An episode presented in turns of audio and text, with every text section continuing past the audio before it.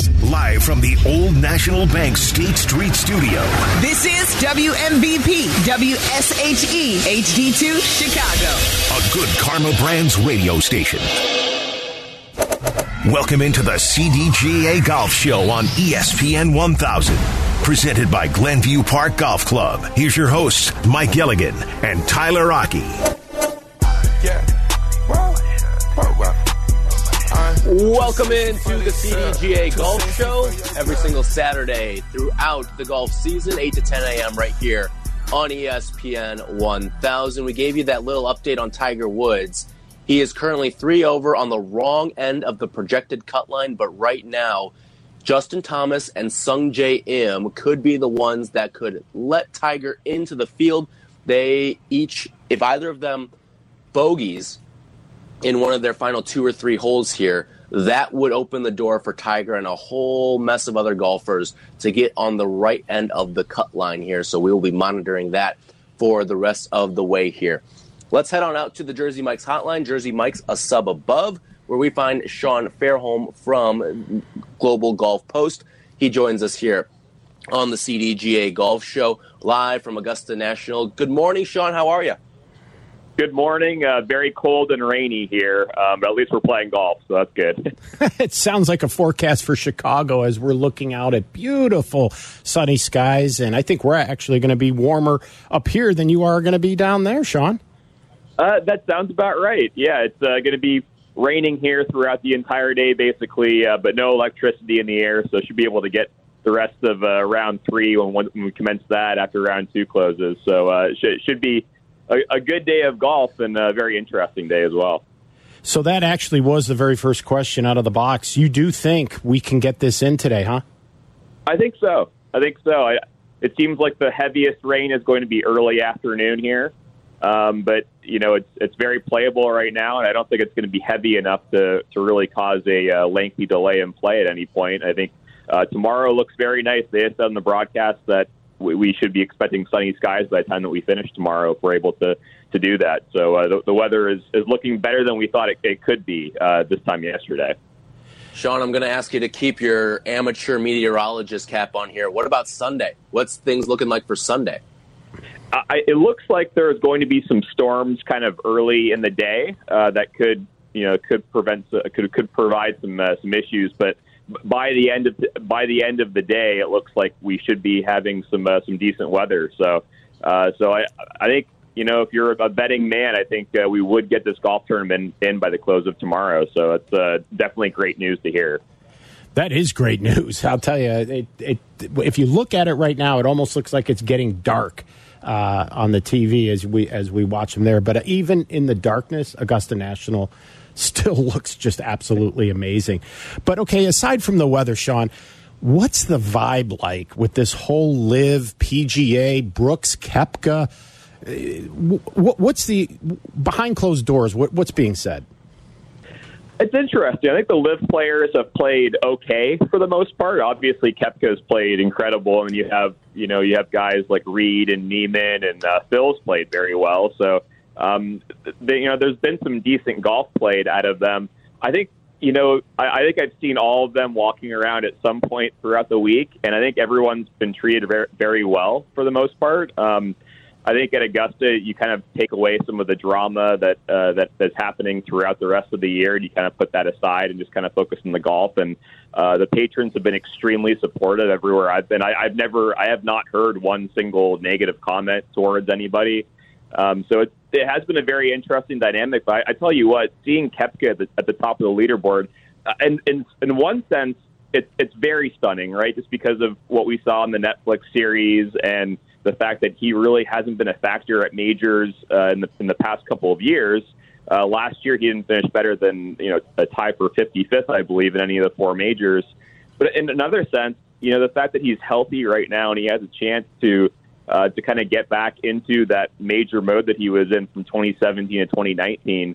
You know, we, we kind of should expect this if, he, if he's fully healthy and able to kind of get back into that same mentality that he was in before. And uh, the way that he's playing right now, just looks like such proper major champion you know, championship golf right now. It's just really incredible how he's able to work the ball both ways and really just leave himself a lot of ten to 20 foot putts right now that, uh, you know, if they go in great, you know, if they, if they don't, fine. And he just is tearing apart the par fives.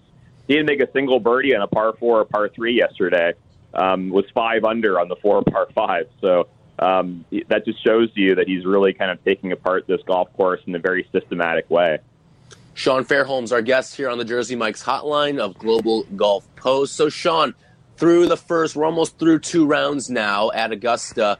What to you has been the most notable thing that you've seen? I mean, there's been so many things to pick from, whether it's the fact that Brooks is leading, like you've been talking about a little there. Is it the fact that we've got an amateur sitting alone in third place right now? Or, I mean, even yesterday, too, we see a couple of trees come tumbling down. What to you has been the biggest thing that you've seen? Yeah, the, the tree the tree thing was very scary. That was that was incredible to see that. I'm so glad that nobody got hurt there. I think that you know the number one storyline is probably could we have a, a showdown here between Koepka and Rahm? You know that would be you know you have a LIV guy, you have a, you have a PGA Tour guy uh, going at it. Could we have a, kind of a duel that goes down throughout the weekend? I think that would be you know if you were to drop a storyline, it's it's uh, pretty hard to, to beat that one. But I, w- I did want to focus on Sam Bennett for a moment because what he's doing here is really incredible. It's you know could go down as one of the great amateur performances and, and Masters history if he's able to you know make a run to uh, to stay to stay in this golf tournament. And uh, a kid who's been through a lot in his life. You know, his, his dad had Alzheimer's and, and passed away a few years ago, and a lot has been talked about that story. Uh, but just a kid who doesn't have a very uh, pretty golf swing. It's uh, a swing that it kind of looks like Joaquin Niemann's a little bit. It's uh, uh, he doesn't hit the ball a long way.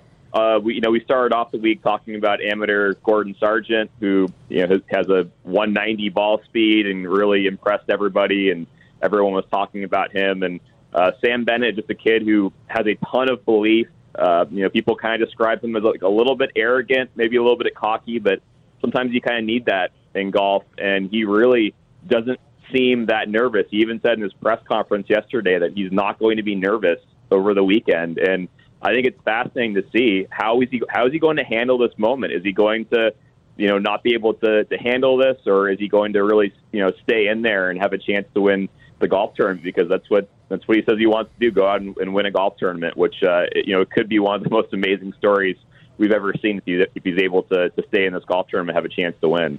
And that is such a great point, Sean. You know, when he was asked about what makes you think you can hang with Brooks Koepka, his response was, I know my golf game's good enough. I mean, what, incredible. What, I mean, what kind of amateur comes with that response in the media center at Augusta? So this kid has got moxie, and I'm looking for a lot of good things to happen from this Aggie. Uh, you know, I, I followed him throughout the first two days, and I actually asked him this in the press conference yesterday. But I noticed multiple times throughout the round, you know, five, six, seven times, he would just stand there and stare at one of the leaderboards, just kind of look at the leaderboard. And you know, you would think that an amateur in that position, you wouldn't really want to know where you stand. You just want to focus on the golf and be very intent on what you're doing.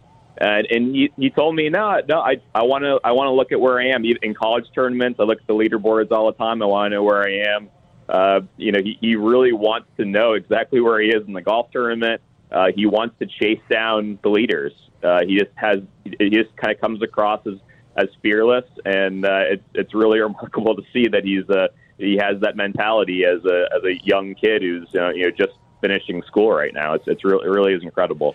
Well, sometimes youth will do that to us. You know, you'll just think that you belong there. And I think Sam is doing that.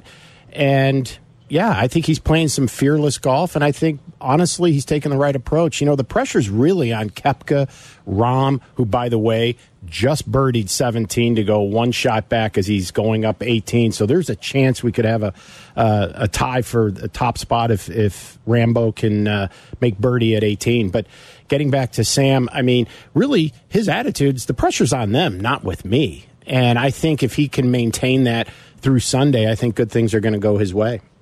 Yeah, it's interesting. He was talking about, you know, the you know night before the, his second round uh, on Thursday night. He's up at midnight on Instagram going through DMs and, and replying to people and um, you know he's watching live from he's he's watching the golf coverage and everything and you know all the things that you would you would ask most players, they'd say, "Oh, you know, I, I completely tune all that stuff out throughout the week." Uh, and he's he's there. He's he's talking to fans. He's uh, you know replying to people on social media. He's he's watching all the golf coverage and everything, and uh, it's very interesting. He's a kid who you know he just has a a ton of moxie and and uh, he, he would not be described as humble by a lot of people, and uh, but he is able to to play the game and uh, at, at an extremely high level, and he he really understands his distance control. I'm so impressed by uh, how he was able to control his irons yesterday, and and he's made so many of those four to eight foot putts that you really need to make around Augusta National, keep your round going, and uh, he's he's very impressive. It, it looks very sustainable too. He, he has only made one bogey throughout 36 holes. It's, it's really a phenomenal golf for anyone, let alone an amateur. Well, I mean, to go one bogey in 36 holes at putt check for crying out loud is a feat in itself, let alone doing it at Augusta as an amateur. But you know, it, you, mentioned something about distance control, and as I see now, the rains are really starting to come down pretty hard and heavy there. Now we start dealing with water between the ball and the club face and distance control and the amount of spin or the lack thereof. And I think that could be a problem and create problems not only for Sam, but for the rest of the field. Uh, what is your take? You know, a great example this morning is the 15th hole. You know, a lot of players, almost everyone has had to lay up there and they're hitting wedges into that hole location that was kind of on the, the back middle part of that green and you saw a guy like Justin Thomas, you know, uh, hit it right up next to the hole and spin it all the way off, almost off the green. And it was almost a, you know, a skill comp- skills competition in how to control your spin. Uh, Rahm was able to do it on that shot and, and hit it right in, in close there and, and, and make a birdie at 15.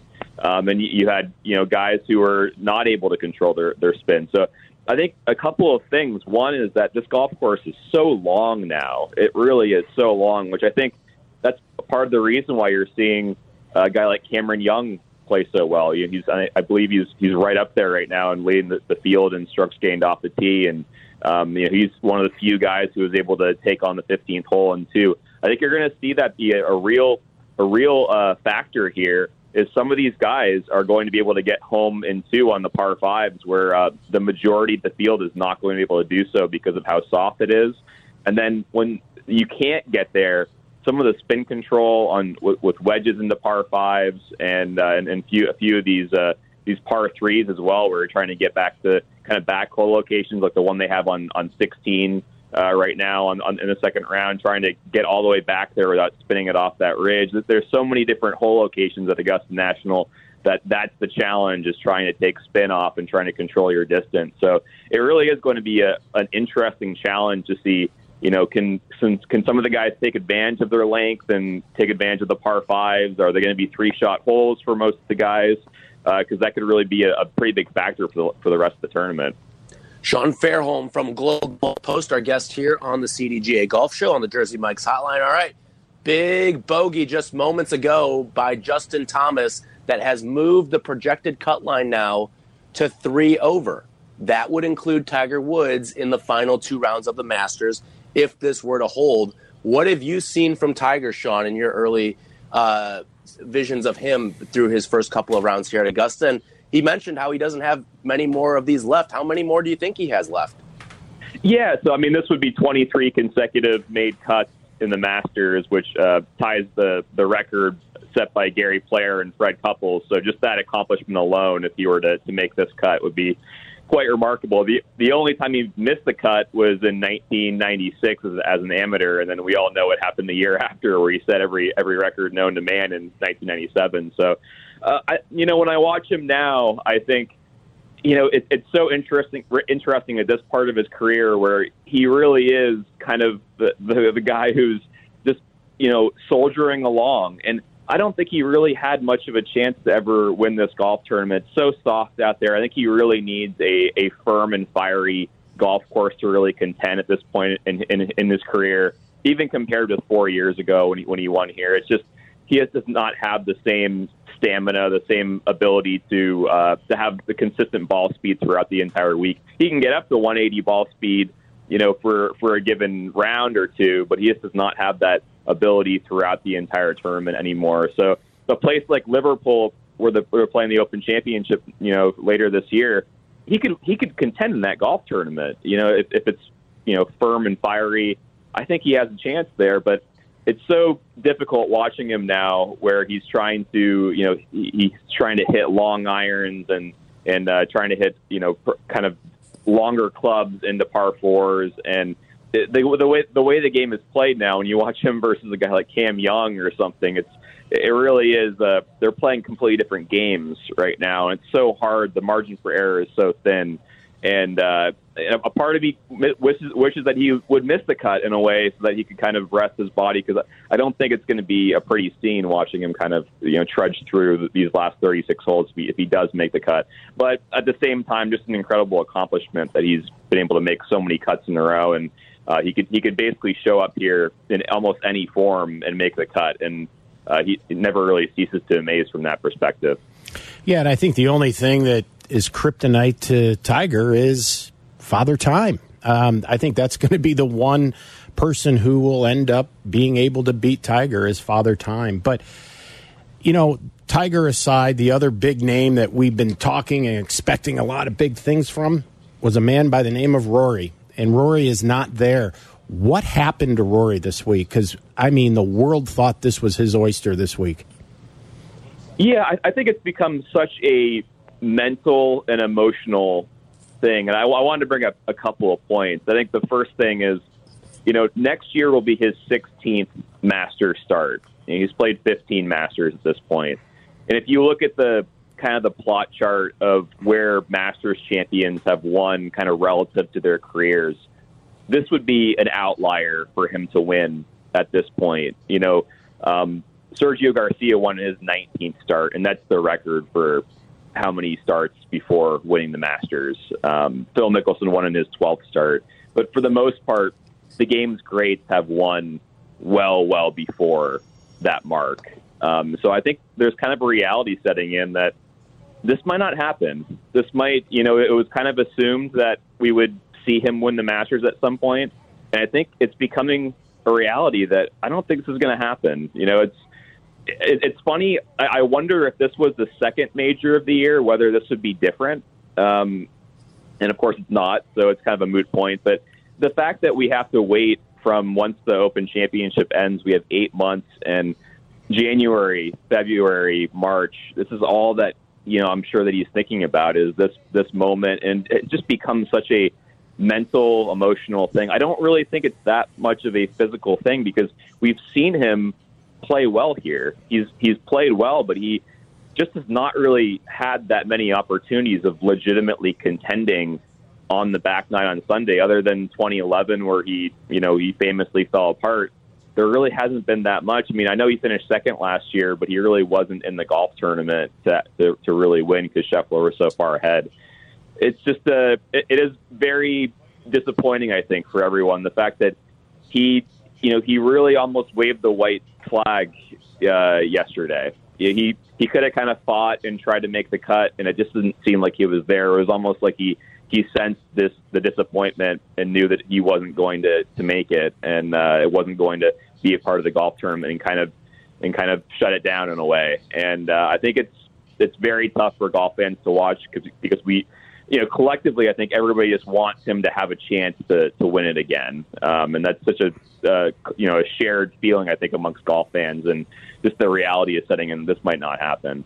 Well, watching him walk from the ninth green up to the tenth tee yesterday, he just looked like a beaten man. Um, but as classy an individual as he is, there was a little girl who had her hand out, and he took the time to go over there and you know give her a quick high five and that kind of thing, even when life was not treating him in the way that he wished it was. But do you think? all of this with LIV, do you think he was pressing a little bit too much this week just to kind of make a statement? Do you think any of that entered into this into this situation where he's gone home so early? I think he's pressed a lot of the Masters throughout the years. I mean, there's quotes dating back to 2017 where he, you know, he said, I, "I'm not a good person to be around during Masters week. No one, no one talks to me because there's so much pressure on it." And I, I don't know. I, I mean, you look at you know, he has given so much of himself throughout the past couple of years here, right? Um, and he's played well throughout a lot of that. He's played really well. He's won a lot of golf tournaments throughout that. Um, and you look at, you know, he did the, the CBS walk and talk, you know, on the ninth hole uh, during the first round. And even just a couple of months ago, he was saying he would never do that. He, he wasn't going to do that. Uh, at Waste Management, he was saying that's not something that he was going to do is to talk to, you know, on the broadcast while he was playing.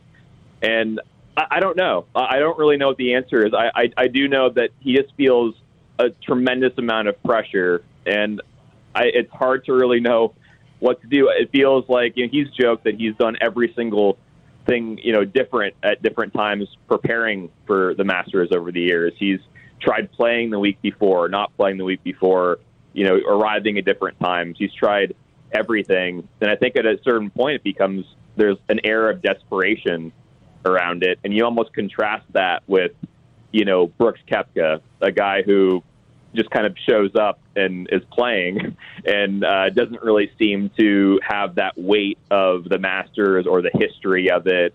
He doesn't really seem to have that plaguing him anywhere near as much as Rory is. And Rory, in a lot of ways, his own self awareness can be a detriment to him in a, in a lot of ways. And I think that's that's a part of why he's always kind of struggled at the Masters. Sean Fairholm, Global Golf Post, fantastic stuff. Appreciate you hopping on with us today. Stay dry and enjoy the final two rounds down at Augusta. Awesome. Thank you so much. Thanks, Sean. Great stuff there from Sean Fairholm. When we come back, Mike, I do want to extend the conversation on Rory because I think Sean said some fascinating stuff there, but also what it means as a whole now for looking at Rory McIlroy and his legacy. We'll do all of that when we come back. This is the CDGA Golf Show. This segment has been brought to you by Fox Bend Golf Course. From PGA to where you should play, this is the CDGA Golf Show with Mike Gilligan and Tyler Aki, presented by Glenview Park Golf Club. Pleased to meet you. All right, only a handful of threesomes still on the golf course right now, two to be exact.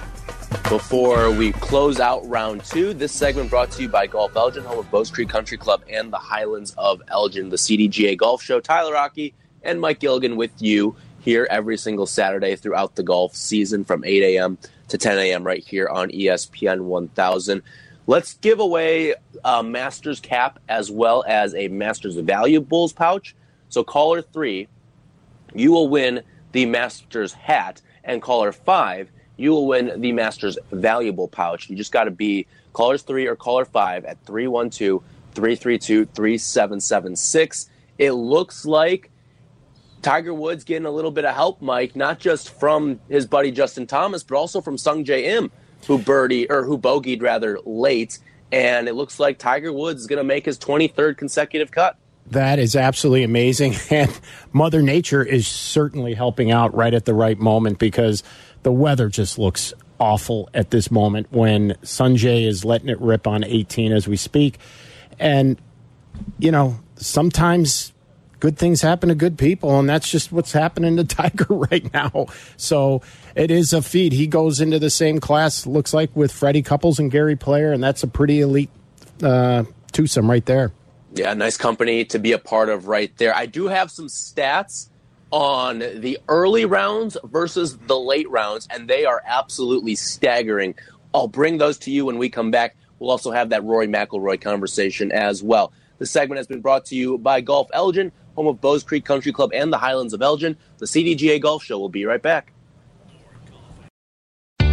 Golf is on your mind and on the air right now. This is the CDGA Golf Show on ESPN 1000, 100.3 HD2, and the ESPN Chicago app. Presented by Glenview Park Golf Club.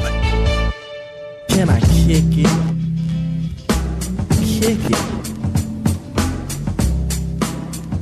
This segment brought to you by PGA Tour Superstore. Visit any of our three Chicagoland locations today. Talking all things Masters with you, Tyler Aki and Mike Gilligan. Just saw a devastated Justin Thomas after he missed his par putt on 18.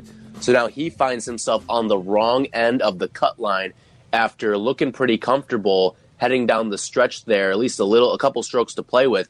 But he will not be sticking around for rounds three and four. You know, some interesting stuff. I saw this flash up on the broadcast not too long ago, and I think some of these numbers maybe even grew as well. But the second round scores from the early window versus the late window. The early window finished at 18 over. The late window finished at 88 over. That includes the the late start yesterday as well as the early start to close out round 2 today. The weather certainly taking a toll on a number of these scores and I'd imagine with the struggles that we saw from Rahm and Spieth or uh, and Justin Thomas and Sungjae Im down the stretch, I'd imagine that late window is north of 90 over right now. Yeah, you're right. I mean, this is, you know, it's night and day. It's uh, Mother Nature is wreaking havoc down there, and there is carnage. And to see the look on Justin Thomas's face a moment ago, it was a look that you don't see often on his face. So it looks like he's heading home along with Rory and a lot of other big names. And uh, it looks like Mr. Koepka is going to go start round three with a two shot lead over Jon Rahm. And now it becomes a survival of the fittest for this afternoon. It, there's nothing, I don't want to say worse than this, but I, I just, it would struck me very odd yesterday sitting down watching the Masters, looking outside in Chicago, and it is bright, it is sunny, it looks like ideal conditions to play around a golf, even though maybe the temperatures were a little bit down.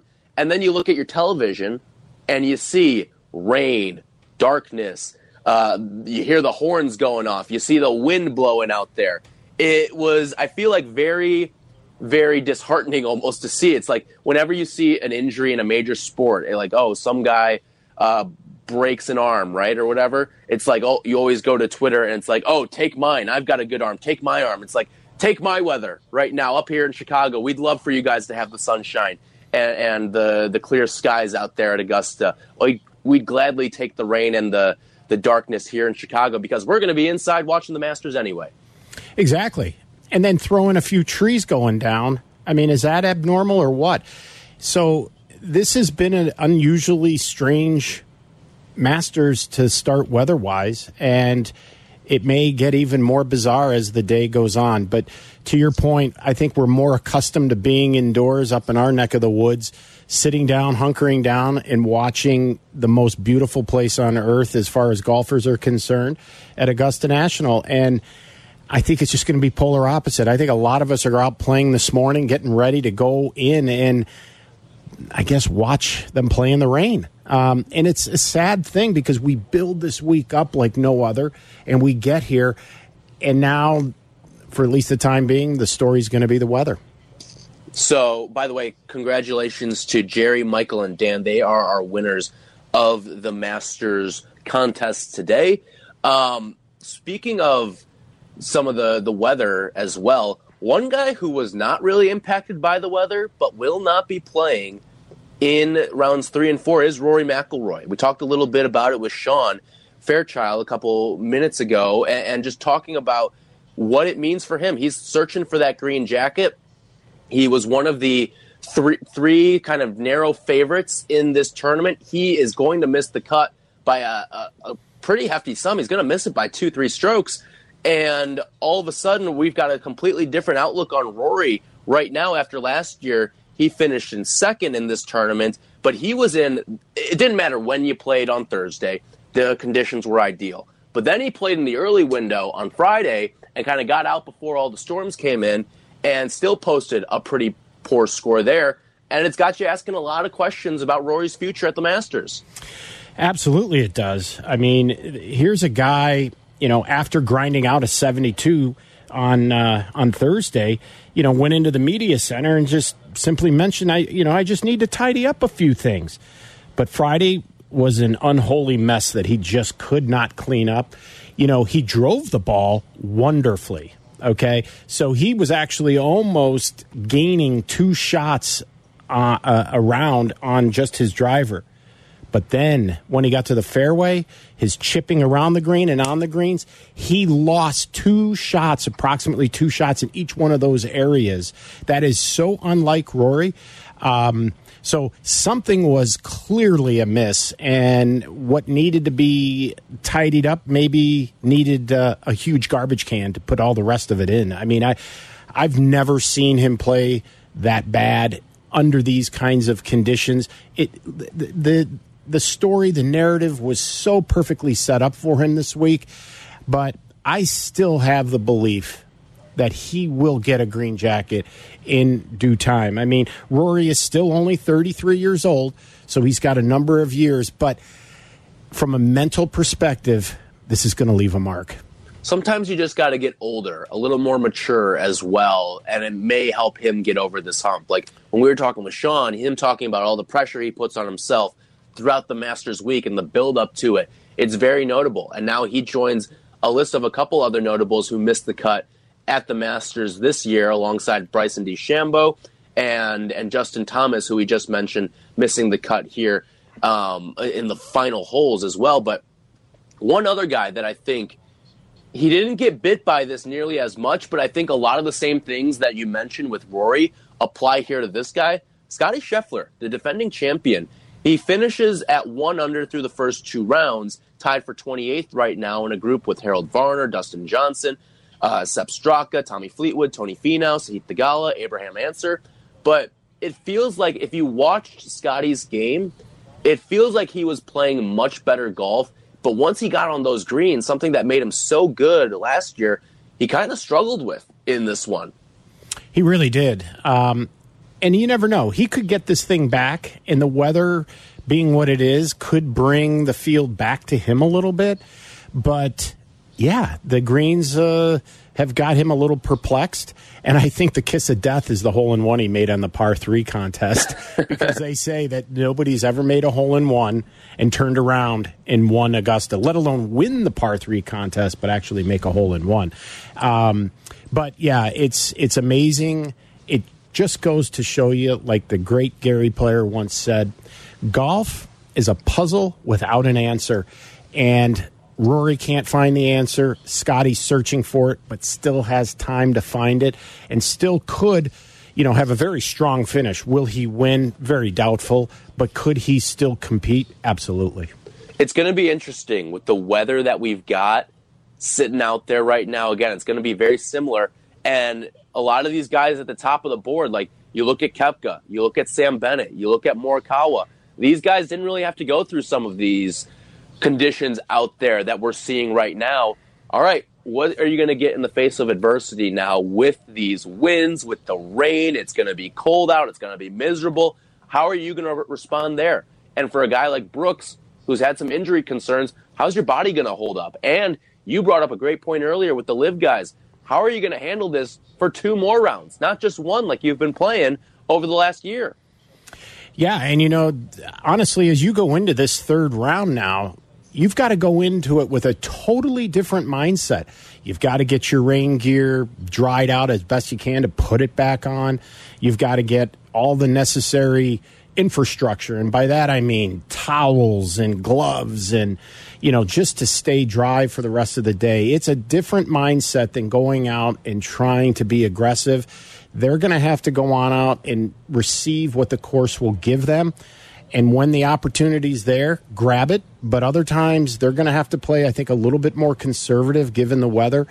And as I look down the leaderboard, a guy that I zero in on right away as far as you know it reminds me of the old seinfeld episode your mutter is a mutter now we're trying to figure out who is going to operate best in these conditions the name that jumps out off the page for me is shane lowry the guy mm-hmm. is built you yeah. know, the wind, I don't know that's going to move that body uh, uh, over putts. He's used to this kind of weather, being from Ireland. Um, you know, he's he's four under, so a lot can happen. But a guy that's used to this type of environment is going to do well, and that is Shane Lowry. You know, it's interesting you bring his name up too because he's one of those guys who played in that late window where everybody struggled, and he finished at an even par in his second round while also having to wait overnight to close out that round as well. And he just sort you're right, seems a little unbothered by it. Um, when we come back, we'll give you our predictions on how this thing finishes out, what the winning score will be as well, and we'll take a look around the CDGA when we come back. This segment has been brought to you by PGA Tour Superstore. Visit any of our three Chicagoland locations today. How's your golf game? Yeah, mine too, but more on that later.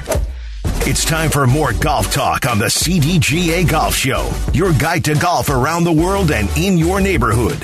The CDGA Golf Show on ESPN 1000. Now, here are your hosts, Mike Gilligan and Tyler Aki.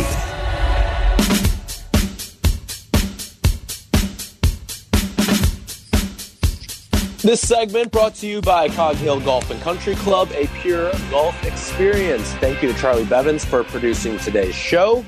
Thank you to Sean Fairholm as well for joining us on the CDGA Golf Show. If you missed anything, check it out on the podcast on the ESPN Chicago app or wherever you get your podcast.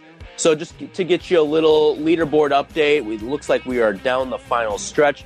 Sungjae Im getting set to, to close out round two of the Masters here. Your standalone leader is Brooks Koepka at 12 under, Jon Rahm at 10 under, Sam Bennett, the amateur, he's in at 8 under, Collin Morikawa and Viktor Hovland each tied for fourth at 6 under, Jason Day, Sam Burns, Jordan Spieth, and Cameron Young each at 5 under and a tie for sixth. And then in 10th, you've got Gary Woodland, Phil Mickelson, Joaquin Niemann, Justin Rose, Russell Henley, Shane Lowry, all in a tie for 10th right now at four under. Some other notable names out there Scottie Scheffler and Dustin Johnson, each at one under in a tie for 28th. You've got Xander Schauffele at two under in a tie for 20th, along with Patrick Cantlay there as well, and Cam Smith. And then when you go all the way down, some of the last names to squeeze into the field, Tiger Woods makes his 23rd straight Masters cut, and he is in at three over through the weekend. So should be a, a very fascinating final two rounds here, as the weather certainly is going to play a big factor, Mike. It certainly is. Unfortunately, it will be the story of the day, but it is the person who can gut it out and, you know, make you know lemonade out of lemons today and and have an attitude of gratitude and get out there and make it happen and survive and get on to tomorrow because I think tomorrow the weather is going to cooperate. We should have a wonderful Easter Sunday with family and friends watching the greatest tournament from the greatest golf course on earth. Yep, should be lots of fun. All right, so seeing what you've seen so far out of the field, you hinted at, oh, maybe Shane Lowry could be the guy that emerges from the pack right now. But who do you think ultimately holds on and wins this thing and is wearing the green jacket on Sunday? Do you think Brooks can hold on, or is someone from behind him going to overtake here on these final two rounds? Well, I honestly think that Brooks is going to put up one heck of a fight. But the mere fact that he hasn't played 72 holes is going to be apparent to us tomorrow. And I think that is going to break open the door for Mr. Rahm to go back to number one in the world and being the best plan- player on the planet. And I think he is going to be putting on the green jacket come tomorrow afternoon. I like Rahm's chances as well. The guy I'm going to go with, though, I'm going to roll with Collin Morikawa here. He is currently tied for fourth at six under, and I just think he's got a little charge in him as well. One of the younger guys on the tour, too. So I think that with these elements, he can sustain that. So I, am I'm intrigued by what Morikawa's got for these final two rounds here. But now we look at what the score could possibly be, because right now Koepka is 12 under, and he's played in picture perfect conditions. He's going to get far from that for these final two rounds. So what do you see as the the winning score for the guy wearing the green jacket? I think the winning score will be 16 under, sweet 16. Yeah, I was going to go. I think it's going to be a little bit less than that. I'm going to go at 14 right now. I just think that with the weather that we're expected to get and just the scores that we saw, the the different the, the differentiation between the late and the early rounds that we saw when we saw the graphic flash up on ESPN, the early rounds who played in in ideal conditions, you can't get much better than that. They went 18 over. The guys who were in the late rounds, that had to go through a lot of weather and sometimes even had to sleep overnight for their rounds, they were 88 over. So that is a massive discrepancy right there. And I, I see 15 as maybe being the, or 14 rather, as maybe being the, the winning score for this thing when it's all said and done. All right, real quickly, Mike, what do we have going on around the CDGA? You know, I'm a little bummed out. I'm feeling a little under the weather, so I didn't want to press it today. But I was supposed to get my first round in of the year up at Glenview Park. Was really looking forward to it, but I will actually be sitting today out. Cannot make it out there. Um, but what do we have going on around the CDGA now that people are probably going to start getting some of their first rounds in today? Yeah, I mean, as soon as we hang up the line here. I'm heading out to Fox Bend to go play. Love it. So yeah, the day is so nice here in Chicago. Um, going around the CDGA. Well, first and foremost, I have to plead surrender. Congratulations to you. You are absolutely hammering me in fantasy golf. In fact, you are like 105th out of almost 4,000 players. I'm And doing pretty well. I you will are say, doing very well. my eyes have been locked on this majors challenge that we've run through the CDGA. My eyes have been locked on it. Yeah. And maybe it's because I'm doing so well, but I am persistently checking to see where I am after every single birdie, every bogey, a lot of eagles out there as well. So I, I, I've been keeping a close eye on this. It's been a lot of fun. Well, that's fantastic. So, going around the CDGA a little bit, we'll be quick here, but a big congratulations goes out to Martha Kuwahara from Northbrook. I am holding up our CDGA Chicago District Golfer magazine. She is our cover girl. She went in, she wanted redemption, and she wins the drive, chip, and putt down at Augusta earlier this week for the 14 and 15 year olds. She's a freshman at Glenbrook North. Ben Patel from North Aurora finished in fifth. William Comiskey from Hinsdale got a third place finish in the 10 to 11 and emery munoz from lockport was ninth in the seventh to nine or seven to nine year olds um,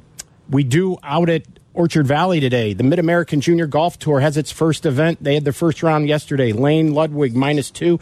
Caleb nagley minus one. And a fellow by the name of charlie gilligan minus one. And yes that is my nephew. And Love lastly see that. yeah so join Tyler, myself, and any and a lot of other notable ESPN personalities for our July 28th ESPN CDGA Golf Listener Appreciation Outing on July 28th at uh, Glenview Golf Club. Noon shotgun start. CDGA.org for all the information. Love to see you out there in July. Awesome. Can't wait. All right. This segment brought to you by Cog Hill Golf and Country Club, home of 42 practice bays with Toptracer technology. We will talk to you next week. Enjoy the rest of the Masters.